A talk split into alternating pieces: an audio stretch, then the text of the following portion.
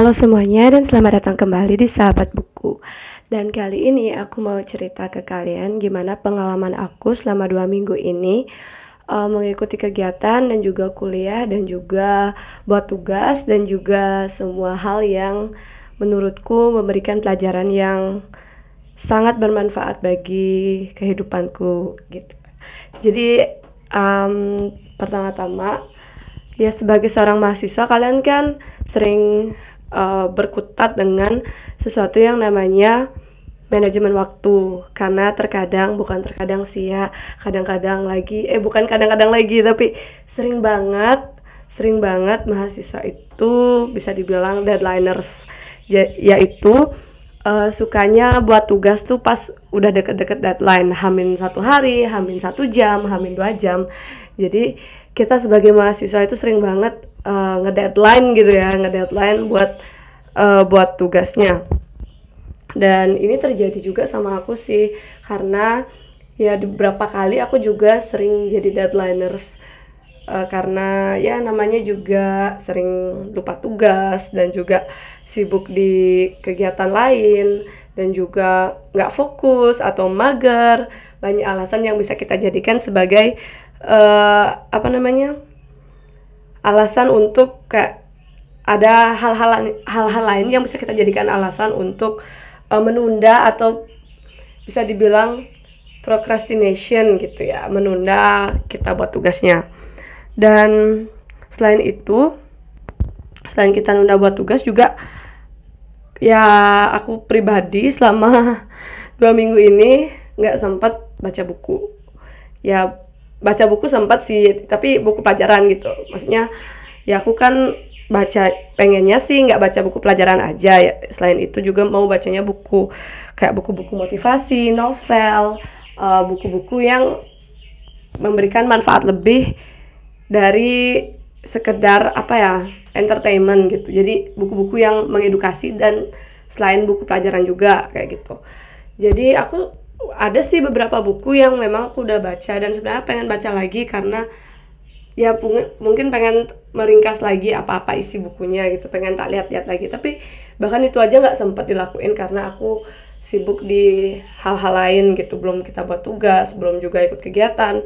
Bahkan tidur pun sampai beberapa hari itu cuma sekian jam. Ya dalam artian 4 jam 3 jam itu karena di sisi lain kita harus belajar, kita harus buat tugas, kita harus ikut kegiatan dan ya kita ngedeadline diri kita dalam sehari itu sampai waktu tidur pun kayak berkurang banget gitu ya. Nah, di sini aku mau sharing-sharing aja buat teman-teman yang mungkin uh, saat ini sedang ngikutin kegiatan dan juga punya hobi yang sama gitu sama sama aku yaitu suka mengeksplor uh, buku dan juga gimana ya mengeksplor sesuatu yang berbau literasi. Karena aku sendiri pun sebenarnya kurang terlalu mengerti tentang literasi itu seperti apa.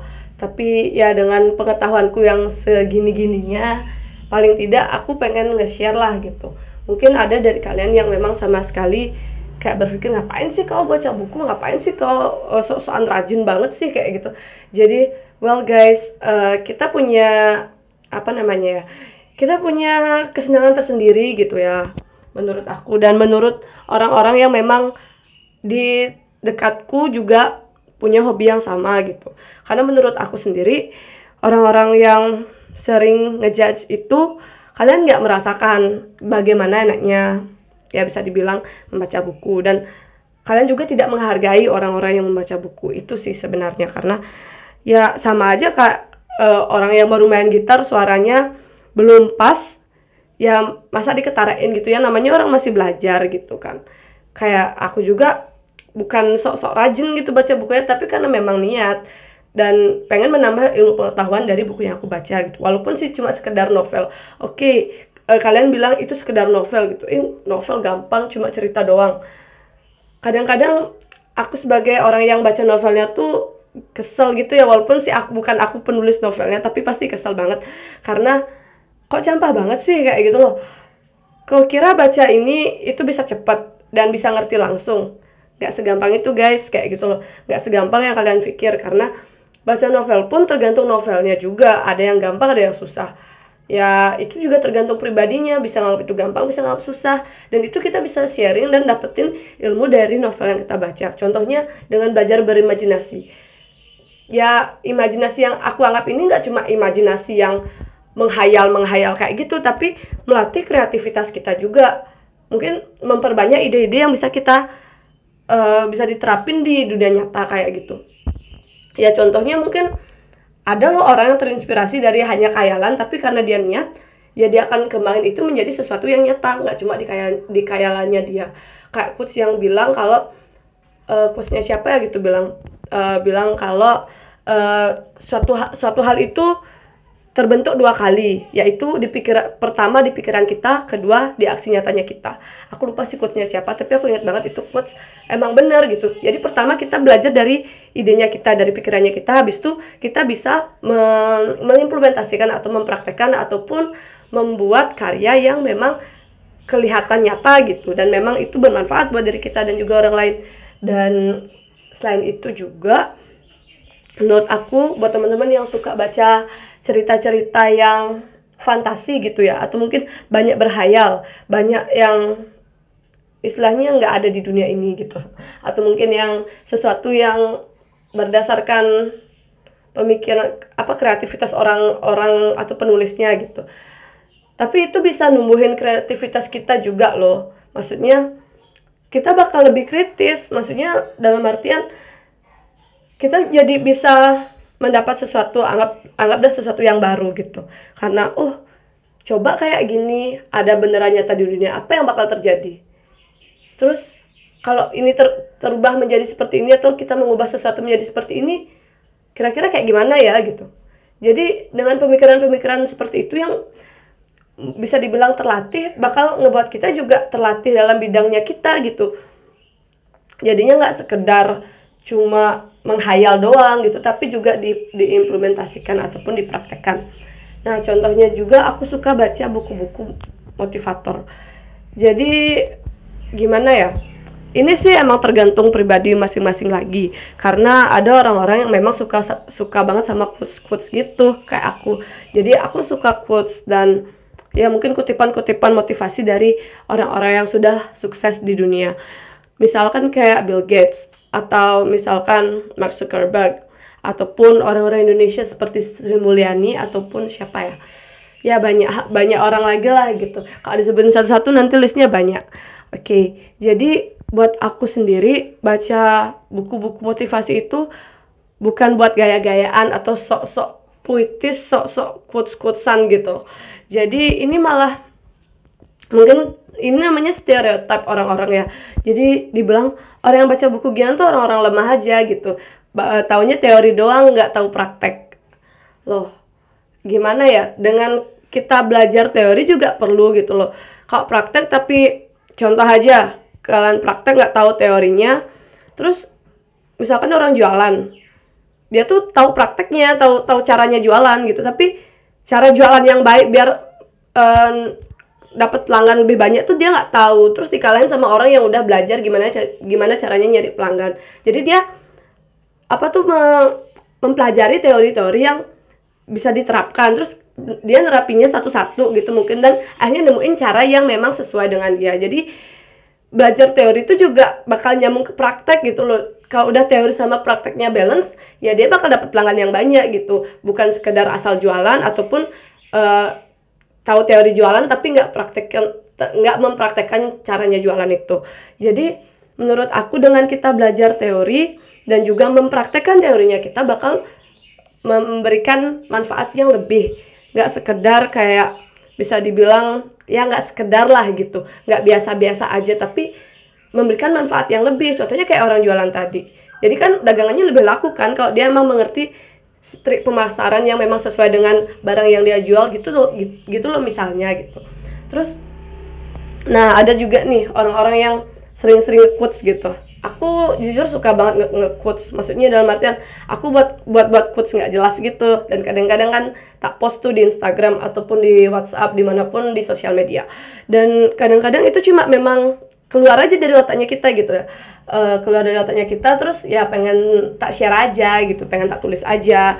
Ya biar mungkin kali aja menginspirasi orang-orang gitu tapi bukan quotes galau ya. Kalau quotes galau sih ada tempatnya nanti. Tapi kalau misalkan quotes-quotes yang bisa dibilang um, apa ya memotivasi lah. Paling tidak uh, jangan jangan motivasi yang tinggi-tinggi karena itu menurutku terlalu te, terlalu dibuat-buat lah gitu. Paling tidak uh, quotesnya mungkin ingatlah bersyukur untuk hari ini kayak gitu aja deh. Cuma satu kalimat doang tapi kita membuat orang-orang yang baca itu tuh berpikir gitu loh. Orang-orang yang baca itu berpikir aku udah bersyukur belum sih hari ini? Atau mungkin quotesnya simpel banget ingat berdoa untuk kesuksesan kamu hari ini kayak gitu. Jadinya orang-orang tuh bakal mikir aku udah berdoa belum ya? Atau oh ya aku lupa berdoa aku harus berdoa dulu. Atau mungkin ya hal-hal kecil lah gitu. Mungkin paling tidak uh, senyum setiap setiap sekali setiap kali bertemu dengan orang lain kayak gitu. Jadinya kamu bisa lebih lebih ramah terus juga lebih bisa berkomunikasi dengan orang lain gitu. Ya nggak cuek lah gitu loh.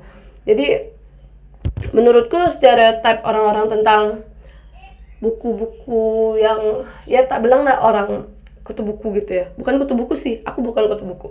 Um, orang-orang yang suka baca buku itu terkadang gimana ya? Karena memang mereka tidak merasakan gitu aja sih simpelnya karena mereka nggak merasakan nikmatnya membaca buku gitu. Kayak mungkin ada tipe-tipe pembaca buku yang bahkan bawain kertas buku aja udah kayak ketemu apaan gitu ya pokoknya udah melayang banget gitu. Itu pun ya dari pribadi masing-masing aja gitu karena emang berapa kali aku nemuin buku yang baru aku lihat covernya terus aku bawain tuh kayak kok menenangkan banget nggak sabar nih bacanya gitu. Jadi itu motivasi kita buat baca bukunya dan juga oh ya ini kan udah OOT juga sebenarnya sih dari tadi terus aku mau ngomongin masalah kuliah nih Nah, masalah kuliah itu menurutku sih tergantung pribadi lagi. Cuma dari pengalamanku nih, dari pengalamanku untuk semester ini aku aku merasa emang belajar banget karena apa? Aku dituntut untuk membaca buku dan buku-buku itu buku-buku pelajaran. Aku memang tipe orang yang suka baca buku. Maksudnya aku baca buku pelajaran juga walaupun sih nggak se excited baca buku-buku yang aku punya di uh, ya di luar pelajaran lah gitu. Tapi karena ini apalagi uh, aku di apa namanya di bidang pendidikan gitu ya jadinya harus tahu uh, gimana caranya ngatur siswa terus menjadi guru yang baik kayak gitu dan itu menurutku nggak cuma bisa diterapin pas kita mau jadi guru aja nah menurut aku teori-teori kayak gini paling tidak ya jadi apa ya walaupun kita misalkan nih nggak jadi guru nanti tapi teori-teori kayak gitu penting juga loh buat ya nanti kalian nikah juga bakal punya anak kan pasti kalian bakal jadi guru buat anak kalian sendiri. Itu tuh penting banget karena uh, boleh jujur sih aku masih ragu nih gitu dengan dengan karirku di depan karena aku sendiri merasa nggak pantas jadi guru gitu ya. Maksudnya uh, aku juga kurang ya aku berminat sih cuma belum lah ter kayak belum banget gitu ya. Jadinya mungkin aku berpikir untuk mencari karir-karir atau meniti karir yang lain gitu atau profesi yang lain. Dan karena memang adalah beberapa profesi yang menurutku aku kayaknya cocok di sini deh kayak gitu. Jadinya uh, kalau kalian mikir kan lo buat apa kau belajar? kayak gitu. Buat apa kau selama kuliah ini belajar yang gak kesuka karena menurutku apa ya kalau memang belajar tidak kalian suka tuh pasti dibilang useless. Tapi kalau kalian memang walaupun tidak suka misalkan nih kalian tuh udah terlanjur dapat jurusan A yang notabene pendidikan terus kalian sebenarnya nggak mau jadi guru gitu. Terus terus ngapain gue di sini gitu? Buang-buang uang aja gitu. Tapi kalau kalian memang serius maksudku nanti di dunia kerja kalian bakal bisa kok nyari pekerjaan lain tapi paling tidak ilmu yang kalian dapetin itu jangan jangan dibuang sia-sia gitu loh kasihan banget. Uh, yang sebenarnya menyusahkan diri itu ya bakal kalian sendiri bukan gara-gara jurusannya kalian gitu. Walaupun sih nanti orang-orang tuh bakal mencibir kalian kalau apaan kamu nyari jurusan jurusan ini tapi kamu kamu nggak mau jadi profesi ini kayak gitu. Dan itu kayak gimana ya? Nge, ngebuat kalian down ngebuat kalian down dong karena uh, udah nggak udah nggak sesuai belum lagi kayak dicampahin gitu loh tapi menurut aku sendiri karena setelah ya dua tahun ya sampai semester lima ini aku mempelajari pelajaran-pelajaran yang juga beberapa menurut aku tuh kayak apaan sih gitu loh. Dan apa aku bakal bisa nerapin ini? Dan apakah ini berguna gitu? Aku mempertanyakan gitu loh. Tapi setelah dipikir-pikir lagi ini loh manfaatnya ini ini loh manfaatnya ini. Coba pikirin dampak positif yang kamu dapetin dari suatu pelajaran. Misalkan nih pelajaran A tugasnya banyak terus juga gurunya nggak e, dosennya nggak pernah ngajar ataupun dosennya cuma jelasin segini tapi kok tugasnya udah sampai segini gitu. Mungkin materi dosennya tuh dari A sampai C. Terus kalian buat tugasnya dari A sampai E. Terus D sama E ini kayak gimana dong kayak gitu loh. Jadinya kalian mempertanyakan uh, kenapa dosennya ngejelasin ini tapi yang keluar di ujian tuh kayak gini. Kenapa yang tugasnya kayak gini? Jadi kalian tuh bakal ngeluh aja gitu. Ujung-ujungnya bakal mempertanyakan hal-hal yang kalau kalian mau bakal bisa kalian tanyain ke dosennya sendiri gitu loh bukan ke orang lain lagi. Nah buat kalian yang sering kayak gini dan aku juga sebenarnya beberapa kali dulu pernah kayak gini ya itu menurut aku sih lebih baik keselnya tuh disimpan aja deh. Maksudnya jika kalian ngeluh-ngeluh terus otak kalian akan men mensugesti kalian buat terus ngeluh terus nggak ngerjain tugasnya dan akhirnya jadi deadlineers karena kalian kayak udah gimana sih udah bosen banget udah nggak ngerti juga buat-buat aja deh yang penting ngumpul yang penting selesai. Nah itu juga. Aku juga dulu sering beberapa kali buat tugas tuh kayak sekedar aja. Dalam artian aku mm, cuek dan juga nggak mau tahu yang penting udah ngumpul. Tapi setelah dipikir-pikir itu bukan totalitasnya kalian juga bukan apa ya aku sebenarnya orangnya agak perfeksionis bukan agak sih. Tapi dalam artian aku sebenarnya pengen yang sempurna gitu. Tapi karena memang waktu itu mungkin niatnya nggak ada belum lagi aku udah kesel atau udah marah udah males gitu ya akhirnya yang penting ngumpul aja udah selesai gitu. Nah yang kayak gini-gini nih bahaya buat kalian. Karena dengan kalian terus seperti itu menurutku kalian bakal nggak termotivasi buat kuliah. Dan dalam artian pasti bakal sempat aja deh bolong gitu dengan alasan ya udah males kuliah ataupun juga absennya boleh tiga deh. Kenapa sih nggak eh, kenapa harus kuliah full kalau memang dikasih absen? Itu kan jadinya keluar. Nah ya kayak gini-gini nih bahaya.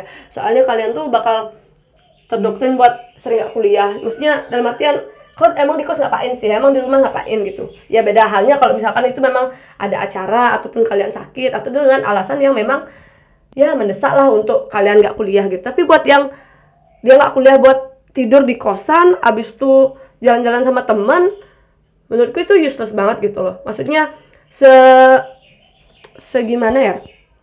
Semalesnya kalian mending jangan sampai kayak gitu deh. Karena aku pernah memang nggak kuliah gara-gara uh, malas gitu. Malas bangun pagi gitu misalkan.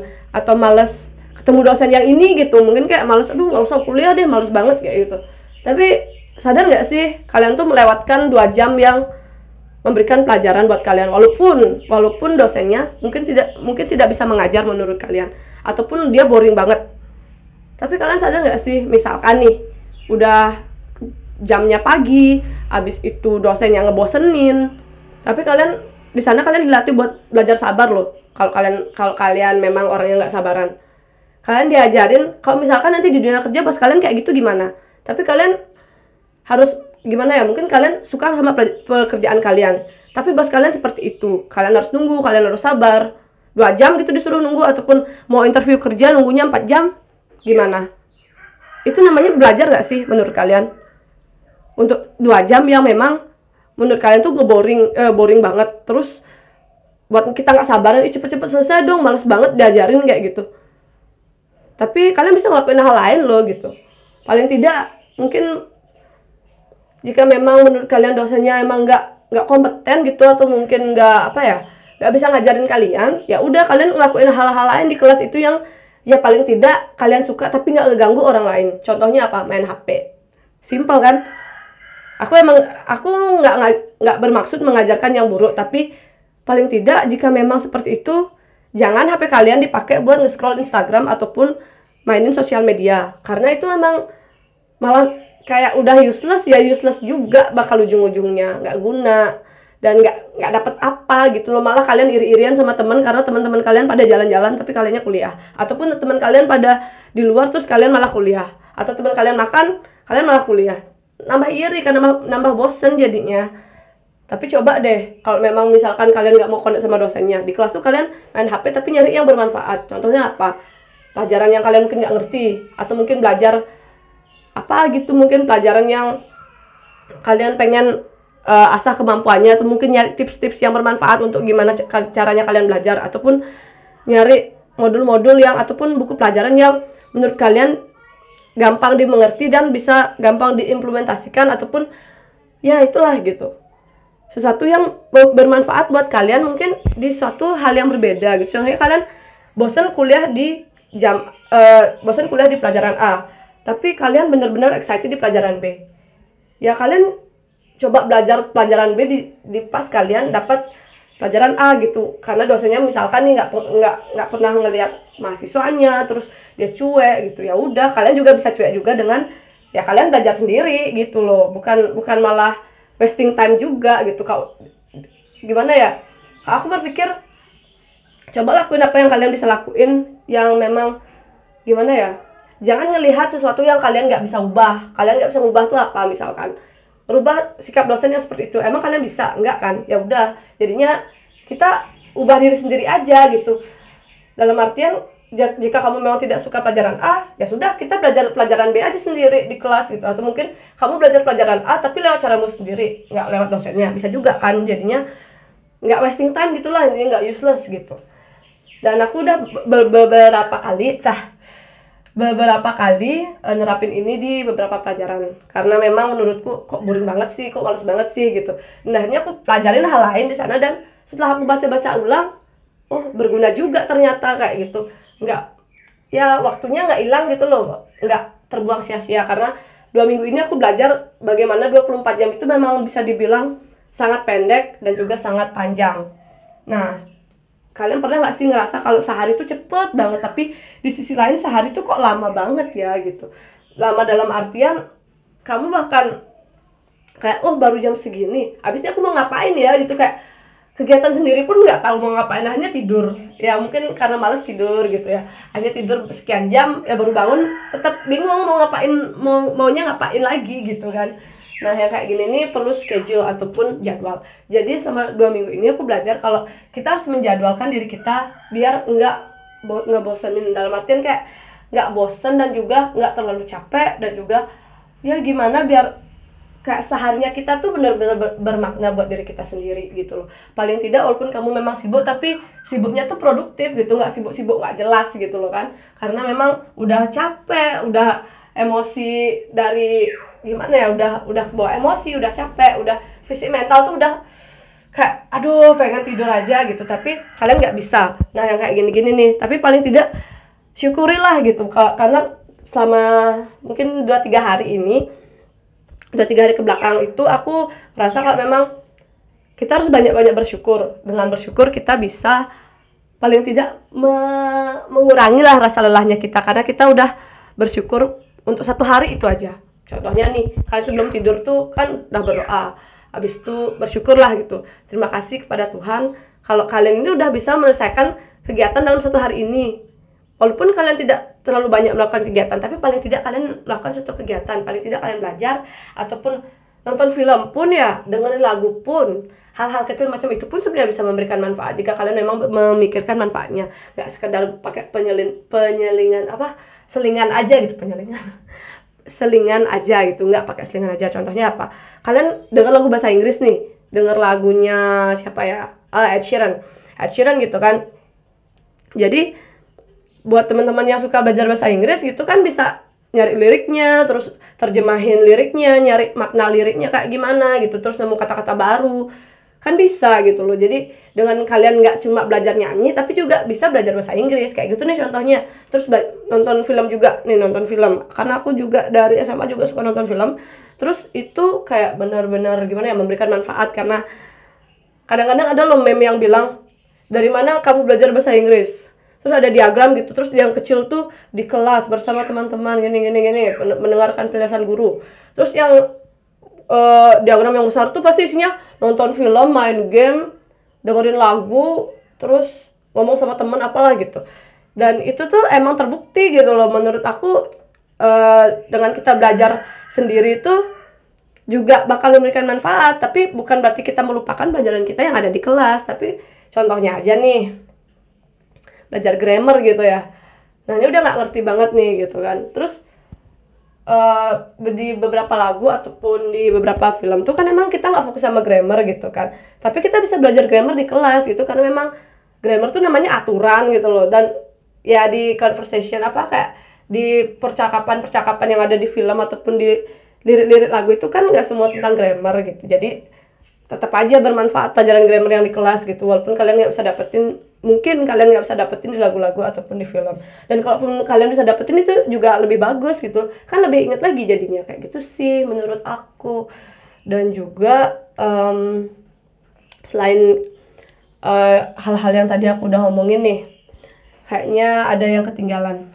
Oh ya gini. Kadang-kadang uh, cara belajar. Cara belajar yang nggak efektif karena beberapa kali aku ngerasa kalau aku pengen kali belajar bahasa asing. Jadi beberapa kali ini mungkin curhat pribadi aja ya ke teman-teman karena mungkin teman-teman juga ada beberapa teman-teman di sini yang juga ngerasain hal yang sama kayak aku. Aku pengen banget belajar bahasa asing di luar bahasa Inggris nih karena gimana? Ya for your information sih aku belajar bahasa Inggris itu sebenarnya emang udah dari SD SD kelas 2 ya sebenarnya di formalnya emang dari kelas 3 tapi aku diajarin di, di rumah itu dari kelas 2 SD dan memang aku dari SD SMP SMA itu emang suka belajar grammar gitu ya. Emang belajar sukanya belajar aturan tata bahasa yang pakai rumus-rumusan itu loh kayak yang present tense yang kayak gitu-gitu. Jadinya aku suka jadi kayak grammar edik gitu dulu. Dan sekarang pun masih agak gitu loh. Karena memang uh, suka dari dulu gitu kan. Karena dulu tuh kan pertamanya belajar vocab vocab dulu vocab vocab. Kayak kata-kata di rumah eh bah, apa tuh kata benda yang kita bisa temukan di sekolah kayak gitu misalkan. Kan baru vocab vocab tuh. Abis itu kita dikenalin yang namanya sistem tata bahasa kayak kayak grammar uh, abis itu tenses kayak gitu gitu terus di sini aku tuh dari kecil emang kayak addicted gitu sama yang namanya tata bahasa. Karena dengan kita tahu tata bahasa yang ba yang bagus aku berpikir kita bakal tahu banyak tentang uh, apa namanya bahasa itu bahasa itu tersendiri kayak gitu. Itu udah prinsip aku dari kelas 5 SD deh kayaknya. Sekitar kelas 5 atau kelas 6 SD terus aku juga suka terjemahin teks. Dalam artian aku belajar itu pakai grammar translation method atau GTM jadi kalau kalian nggak tahu GTM tuh bisa cari di Google ya. Nah dari SD aku belajarnya tuh pakai GTM dan artian ya guruku yang jelasin di kelas terus aku ngikutin gitu. Aku dengerin terus aku nyatet terus ya latihan gitu. Kayak mungkin latihan terjemahan apa tuh nerjemahin kata-kata nerjemahin kalimat kayak gitu. Dan itu aku sampai SMP ataupun SMA awal-awal tuh masih kayak gitu karena mungkin SMA juga ya mungkin kayak gitu juga sih tapi nggak terlalu parah separah SD SMP karena bisa dibilang? waktu SD SMP itu kita di kelasnya emang belajar mungkin teman-teman di yang pernah ngerasain SD SMP itu juga sama ya. Karena guru itu yang ngejelasin terus kita nerima terus kita dikasih tugas dia dapat nilai kayak gitu sesimpel itulah gitu pelajaran-pelajaran yang kita dapetin waktu, waktu SD SMP sama SMA tapi menurutku dan aku ini aku menyadarinya setelah kelas 12 atau kelas 3 SMA karena awalnya aku berpikir dengan aku mengetahui cara menerjemahkan dan juga belajar tata bahasa aku bakal bisa pakai bahasanya ini kok aku bakal ngerti gitu. Nah ini kejadian juga nih waktu aku SMA juga dan sampai sekarang aku masih inget banget gitu. Nah aku kan belajar bahasa Inggris nih. Terus aku tuh ngerasa udah bisa. Jadi aku tuh proud of myself kalau aku tuh emang udah bisa bahasa Inggris. Setelah itu di rumah nih aku kan jualan gitu. Punya toko kecil gitu di rumah. Dan dengan aku jualan adalah beberapa orang yang mungkin turis asing yang belanja gitu. Mungkin mereka beli minuman es krim atau ya barang-barang kecil lah gitu. Terus aku jualan nih gitu. Padahal si apa namanya si wisatawannya ini ngajak ngobrol dan ya kamu kelas berapa? Deh gitu. Kayak aku tau nggak sih kayak takut gitu loh kayak pengen lari kayak gitu. Kayak, takut banget kayak gitu. Nggak bisa nyaut kayak I'm a student kayak gitu ya. Oke okay. dia dia dia tuh kayak seru banget pengen ngajak aku ngomong tapi kadang ngeliat aku yang takut itu don't be nervous digituin.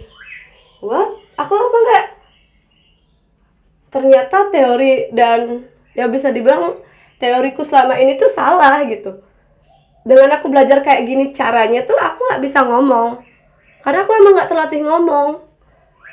Dan ini sih encourage juga dari orang tuanya aku kalau bilang ya coba aja ngomong gitu. Kamu ini lo dikasih kesempatan buat ngomong aja aja ngomong gitu kan.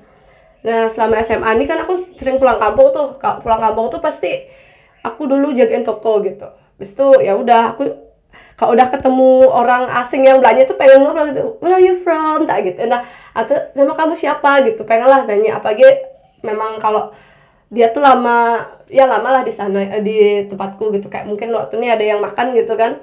Dia makan terus nanyain e, ini tuh nasi ayam atau apa? Kayak gitu misalkan nih. Iya nasi ayam kan aku bilang gitu. Terus uh, kan aku nanya jadinya uh, kalian tuh dari mana? Namanya siapa? Udah ke mana aja di Bali? Kayak gitu. Dan itu kayak lima menit yang bener-bener berfaedah dalam hidupku kayak gitu. Karena dengan aku belajar ngomong ya aku bisa nerapin apa yang aku pelajari selama ini gitu. Dengan aku ngomong dengan aku belajar berbicara dalam bahasa asing aku bakal bisa lebih gitu loh. Lebih dari sekedar teori kayak gitu. Karena dari dulu dulu eh kita dapat teori aja. Teorinya kayak simple present tense itu apa terus juga uh, apa namanya uh, bagaimana penggunaan ini penggunaan jeran itu udah nggak kayak gimana ya itu udah perlu yang namanya sistem baru dalam pembelajaran. Teruntuk bahasa asing lah gitu ya bahasa Inggris lah aku bilang. Karena kayak aku aku belajar bahasa Inggris tuh sekian tahun dong. Dari kelas tiga empat lima enam tujuh delapan sembilan sepuluh sebelas dua belas sebelas tahun dong sebelas tahun itu dari SD SMP SMA tapi kayak gak guna banget kalau kalian nggak bisa nerapin itu gitu loh. Nggak bisa ngomong bahasa Inggris sama orang dari luar negeri. Kayak terus ini teorinya mau kamu apain kalau kamu udah udah bisa gitu kan? Itu yang aku pertanya pertanyakan ke diri aku sendiri waktu itu jadinya kalau kau nggak ngomong terus ilmu kau ini kau bawa ke mana? Kau mau apain? Kau mau simpen? Terus abis disimpan nih kau mau apain lagi? Udah disimpan doang. Gak guna kan? Ya udah jadinya belajar aja ngomong aja. Walaupun setelah aku berpikir ngomong itu nggak gampang. Dalam artian kok speaking itu nggak gampang gitu loh. Karena setelah aku pikir-pikir aku listener yang baik gitu. Awalnya aku pikir aku listener yang baik aku ngerti kok apa yang dia omongin gitu. Aku ngerti kok dia ngomong apa. Walaupun teman-teman tuh bilang misalkan nih apa ya dia omongin? Aku nggak denger jelas. Mungkin aku itu denger gitu. Mungkin aku tuh denger jelas dia lo ngomong gini doang gampang gitu kan. Tapi setelah disuruh nyautin kalian bisa nggak? Aku bisa nggak gitu? Kalian patut mempertanyakan itu kan? Karena aku sendiri bisa nggak sih jawab? Tapi enggak gitu aku nggak bisa walaupun dia walaupun aku ngerti apa yang dia bilang tapi aku nggak bisa nggak bisa nyautin kalau dia kalau dia nanya gitu. Akhirnya apa? Nggak guna kan ilmunya.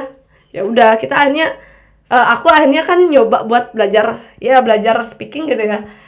Dan juga mumpung kuliah di bahasa Inggris juga buat aku belajar make bahasanya gitu kan. Karena dulu aku SMA juga sempat belajar otodidak belajar bahasa asing yang lain. Dan udah nyoba beberapa bahasa yang ternyata kunci untuk belajar itu ya emang kalian fokus di cara menggunakan bahasanya. Untuk teori itu bisa dimundurin dulu gitu. Karena apa? Aku ngeliat di orang-orang di bidang pariwisata di beberapa tempat ya aku lihat nggak di semua tempat juga sih. Karena ya di tempat-tempat yang pernah aku kunjungi orang-orang itu bahkan ada yang nggak ngerti grammar itu apa. Terus juga tenses present tense itu dia nggak ngerti tapi dia bisa ngomong sama orang luar dia bisa ngomong sama orang yang pakai bahasa Inggris. Dan jadinya kayak aku sebagai mahasiswa bahasa Inggris menjadi sangat malu jika aku tidak bisa ngomong bahasa Inggris kayak gitu. Kayak malu bener-bener dalam artian jadinya kayak kok istilah Balinya tuh gimana ya? Jengah gitu. Langsung kayak tiba-tiba jengah langsung tiba-tiba kayak mau berpikir untuk aku harus bisa ngomong. Dia orang yang mungkin nggak kuliah pun kayak eh, udah pinter ngomong tuh. Dan dia bakal mendapatkan manfaat dari apa yang dia bicarakan gitu. Contohnya kayak guide misalnya ada guide ada orang yang jadi guide nggak semua sih ya. Aku cerita yang pernah aku lihat aja. Jadinya ada guide yang menurut aku dia sendiri pun berpikir bahasa Inggris jangan nak sing dulu bahasa Inggrisku nggak bagus gitu dia bilang. Tapi tiang temen ngajak terus ngomong. Kayak gitu. Apa nih ya sih ngerti tiang nggak nyoba gitu dia bilang. Walaupun terusnya walaupun terusnya nggak ngerti aku, aku bakal coba aja ngomong gitu. Walaupun aku nggak bisa ya udah gitu. Kayak aku tunjukin dengan cara bahasa syarat mungkin atau bahasa yang kayak similarities mungkin atau kayak yang mirip-mirip gitu loh. Bisa kan? Itu lebih ke PD yaitu percaya diri. Jadi ngomong itu perlu PD ataupun bisa dibilang percaya diri. Karena tanpa kepedean tan tanpa PD tanpa percaya diri kalian nggak bisa ngomong walaupun kalian ngerti apa yang mereka omongin gitu. Karena aku sendiri ngerasa gitu waktu boleh cerita dikit nih yang waktu aku interview ke salah satu pantai di Bali. Aku interview orang dari Australia. Ya orang dari Australia. Jadi nah aku kan interview dia terus dia tuh ngomongnya banyak gitu. Kayak dia tuh kepo banget sama kita gitu kan. Kalian mahasiswa ya terus uh, kalian ngapain aja di kuliah? Kayak gitu. Uh, menurutmu di sini bagus nggak? Gitu. Terus kita kan nanya nih kalian eh kamu di Bali tuh kayak ngapain aja? Terus keliling ke udah ke tempat wisata apa aja? Kayak gitu gitu. Ya, jadinya kita kayak sejam sekitar sejam aku ngobrol dan aku mikir padah banget ngobrol sama orang ini. Dia tuh juga nyambung banget gitu. Walaupun kita kayak dia tuh kayak bisa dibilang udah ibu-ibu gitu udah tua gitu ya. Tapi jiwanya muda menurutku dan dia tuh ngomongnya kayak seru banget gitu. Dia tuh kepo sama kita kita juga kepo sama dia. Ya udah nyambung kan jadinya gitu. Walaupun kayak kita nggak bisa ngomongin itu yang mirip yang mirip ini yang mirip ini. Akhirnya kayak gitu kan keluarnya. Yang itu loh yang seperti ini gitu. Tapi itu yang buat kita benar-benar belajar yang namanya buat pede buat juga berani untuk ngomong. Hal-hal kecil aja deh gitu. Mungkin sama teman sekelas nih aku juga pernah pengalaman buat uh, ngomong sama teman sekelasku pakai bahasa Inggris walaupun dibilang sok-sokan bodoh amat. Tapi lebih mending kalian dikatain sok-sokan. Tapi kalian belajar dari itu daripada kalian diam-diam sok pinter. Tapi nggak tahu apa nggak bisa ngomong apa kalau ketemu sama orang luar kayak gitu. Karena aku ngerasa banget aku tuh orangnya emang nggak suka ngomong. Terus juga kayak males ah apaan sih? Aku udah ngerti juga gitu. Aku pernah di posisi yang aku bilang aku tuh sombong banget orangnya gitu aku tuh kayak sok tahu banget. Aku lo udah ngerti kayak gitu. Aku lo udah paham. Aku pernah di posisi yang merasa jadi orang paling level up gitu. Orang paling high class orang paling pinter di satu kumpulan gitu ya. Pernah ngerasa jadi orang yang paling aku lo yang paling pintar di antara kalian kayak gitu. Aku lo yang paling bisa di antara kalian. Tapi setelah dipikir-pikir setelah kalian belajar melihat ataupun bisa mencerminkan diri ke orang lain level ego kalian tuh bakal turun. Contohnya nih kita tuh bisa terus teman kita minta tolong gitu ya. Teman kita minta tolong terus apa sih kalau minta tolong aku? Kan gitu misalkan ya ya kau kan bisa gitu. Oh gitu ya gitu. Kayak langsung ngomong gitu. Please banget jangan jadi kayak kayak gitu. Karena itu aku pernah masakan ya ngerasa jadi orang yang paling dicari gitu ya. Orang yang paling aku lo paling bisa dan dari kalian dan itu tuh benar-benar kayak kok orang yang benar-benar punya ego yang tinggi gitu loh. Kok nggak nggak pantas kayak gitu sama teman-temanmu benar-benar kayak bukan orang yang enak diajak bergaul gitu loh. Bener deh. Buat kalian yang sering yang sering ego walaupun kalian tahu kalian tuh pinter please jangan kayak gitu. Dan jangan pernah masa pinter dalam satu hal. Tetap belajar. Karena aku berpikir walaupun orang lain bilang pinter tapi apakah kalian setelah itu merasa level up gitu? Merasa kayak naik daun terkenal gitu? Enggak juga. Itu baru kalian di bidang itu. Coba kalian lihat orang di bidang lain misalkan. Walaupun kita memang kita memang harus fokus pada apa yang kita pintarin gitu ya. Apa yang kita bisa tapi itu juga jangan membuat kita menjadi sombong. Itu tuh kayak bahaya banget tau gak sih? Dengan kalian sombong tuh kalian artinya kayak merendahkan orang padahal kalian tuh sebenarnya setara gitu loh. Contohnya contohnya nih beberapa kali aku dimintain tolong untuk apa namanya bantuin orang buat tugas gitu. Terus ya aku bantuin sebisanya aku. Dan dari aku berpikir di sana aku langsung mencerminkan diri sebagai orang jika aku menjadi dia apa yang akan aku lakukan? Terus dalam artian aku mungkin bisa dibilang membantu orang dengan memberikan sesuatu gitu. Padahal sebenarnya orang itu yang memberikan sesuatu buat aku. Pikirkanlah pas kalian misalkan dimintain tolong sesuatu jangan menganggap kalau kalian memberikan sesuatu pada orang lain tapi anggaplah kalian diberikan sesuatu. Kalian diberikan pelajaran dari orang itu. Kayak gitu loh. Karena aku aku sendiri mikir pertamanya aku tuh dulu orangnya sombong banget ya sampai segininya sampai segininya. Terus aku langsung merefleksikan diriku jika aku jadi dia aku jadi dia aku jadi dia aku jadi dia. Dan jika aku di posisi seperti itu apa yang bakal aku lakuin gitu loh. Apa yang bakal ada di pikiranku kalau aku di posisi itu? Misalkan nih kalian kayak campah sama orang. Aku ini udah pinter kok gitu terus ada orang yang minta tolong terus kamu campah aja kayak gitu aja nggak bisa. Hello man. You're not that cool gitu loh. Kamu nggak sekeren itu. Kalau udah orang pinter terus sombong. Aku nggak suka banget. Sumpah deh. Aku lebih mending jadi orang yang biasa-biasa aja tapi punya jiwa yang bijaksana kayak gitu. Paling tidak aku bisa memberikan manfaat ke orang-orang di sekitarku gitu. Buat diriku deh buat orang tua aku deh buat teman-temanku deh. Jangan gimana ya jangan merasa kamu tuh udah tinggi. Walaupun kamu dimintain tolong sama orang lain. Dalam artian jangan berpikir kamu memberikan sesuatu. Tapi anggaplah dirimu yang diberikan sesuatu oleh orang lain. Walaupun orang lain yang meminta bantuanmu. Karena aku ngerasa aku merefleksikan diri jika aku membantu orang lain gitu. Mungkin ada orang yang ada minta tolong kayak gini lah dan aku berpikir kalau aku jadi dia? Terus dia yang jadi aku. Terus aku malah gimana ya sok-sokan pinter ngajarin dia apa yang aku rasain gitu. Kalau aku minta tolong sama orang terus orang itu sok-sokan terus ya aku gak bisa ngajarin kau? Aku cuma bisa ngajarin diriku sendiri what the fuck man? Kayak gitu. Jangan aku pikir dulu aku pernah berpikir kalau kalau aku tahu sendiri tuh enak gitu loh. Aku tahu sendiri tuh enak. Nilai ujianku bakal jadi paling gede. Tapi setelah itu apa? Apa yang kamu dapetin dari sana? Apa yang kamu dapetin dari proud of yourself yang ngerti semua sendiri abis itu nilai gede sendiri opsi sampai kebentur. Apa sih? Kayak nggak guna banget deh kalau kamu nggak bisa berteman.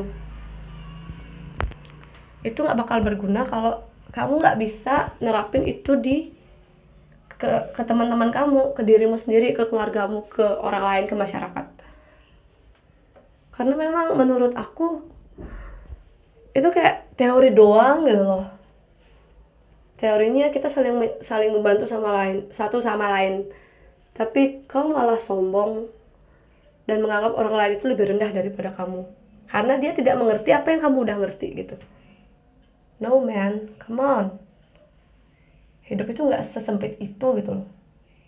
Jangan berpikir kamu jadi orang yang paling bisa.